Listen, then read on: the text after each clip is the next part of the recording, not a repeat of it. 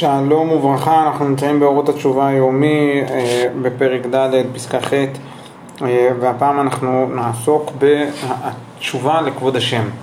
אה, מה זה, לפני שנכנסים לתשובה של כבוד השם, צריך להבין קודם כל מה, מה זה אומר כבוד השם.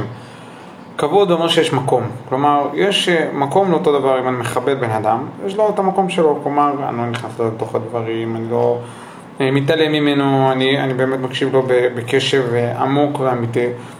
יש לו מקום, אה, וממילא אותו, אותו דבר, בהבדלים גדולים, אבל בגדול גם ביחס לקדוש ברוך הוא. גם ביחס לקדוש ברוך הוא אפשר לכבד ואפשר לא לכבד. אפשר לחיות את חיינו בצורה כאילו שאנחנו מתעלמים מהקדוש ברוך הוא, ואז בעצם אנחנו לא, לא מכבדים אותו. אה, ובשביל לכבד אתה באמת צריך להיות במקום שבו אתה כל הזמן מתנהל בצורה כזאת, שאתה אה, חושב איפה הקדוש ברוך הוא נמצא, ואיפה הוא מופיע ובמה הוא מופיע, ואני פועל לאור זה, זה כבוד השם.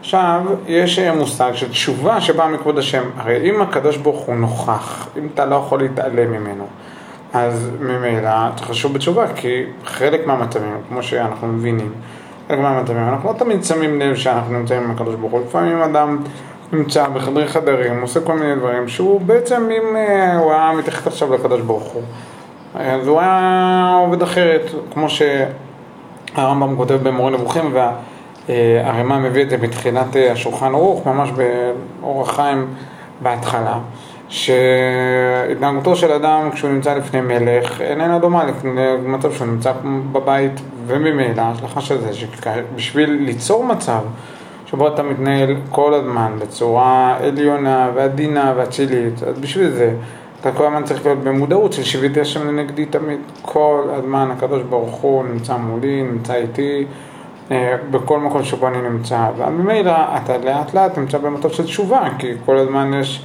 תמיד שבהם אתה לא בדיוק נמצא בגובה הזה, אתה נמצא בגובה דרך ברמה מסוימת, ואתה צריך לעבוד על זה. זה, זה בעצם העבודה הגדולה של תשובה שנובעת מכבוד השם, בסדר? זו תשובה שלי של כבוד השם. אמ, אז זה לגבי, זה, בכלל להבין את המושג הזה של אה, תשובה מכבוד השם. עכשיו, אה, הרב קוק אומר שזה אה, סוד של תשובה שהתגלה בעקבתא דמשיחא, כלומר בתקופה שלנו, בזמן של המשיח, לאט לאט אנחנו נגלה צורה כזאת של, של תשובה שנובעת מהעובדה שאנחנו חלק מ... שהקדוש ברוך הוא מופיע פה, הקדוש ברוך הוא נמצא בעולם. אני מתייחס אליו, אני נותן לו את המקום הנכון לו, אה, וכל הזמן הוא נמצא במודעות שלי.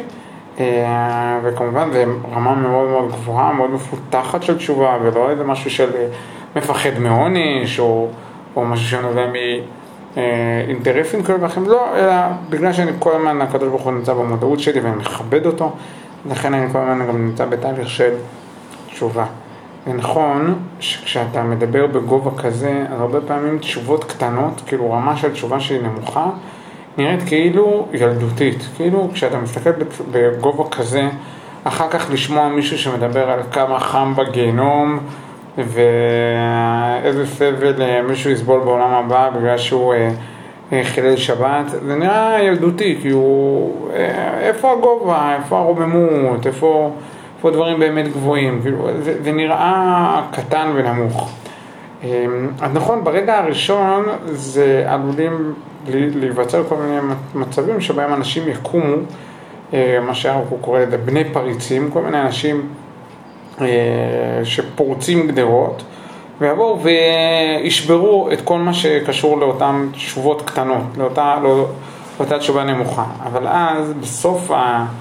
התהליך, אנחנו נגלה שהתשובה לכבוד השם זה באמת דבר מאוד גדול, אבל הוא גם מופיע אה, גם בנקודות הקטנות, גם במה שהרב קוק כותב פה, סגולותיו התחתונות, גם הכי, הכי נמוך, נכון, איזה אידיאל עצום, שאדם כל הזמן יהיה עם נוכחות של כבוד השם, שהוא כל הזמן באמת חווה את הקדוש ברוך הוא על כל צעד ושעל של החיים שלו, נכון? זה אידיאל מאוד גבוה, אה, ואנחנו באמת שואפים לשם, אבל זה לא אומר ש...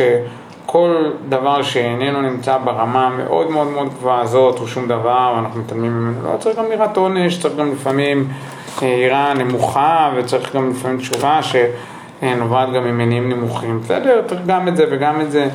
אה, בעזרת השם יום יבוא ולא נצטרך את התשובות הנמוכות, בסדר? אבל עד אז ברור שזה כן, יש לזה את המקום של זה, ואנחנו לא דוחים כל דבר שהוא לא תשובה גבוהה ועליונה.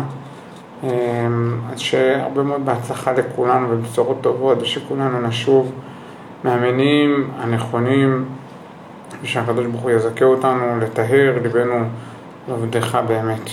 בהצלחה ובשורות טובות.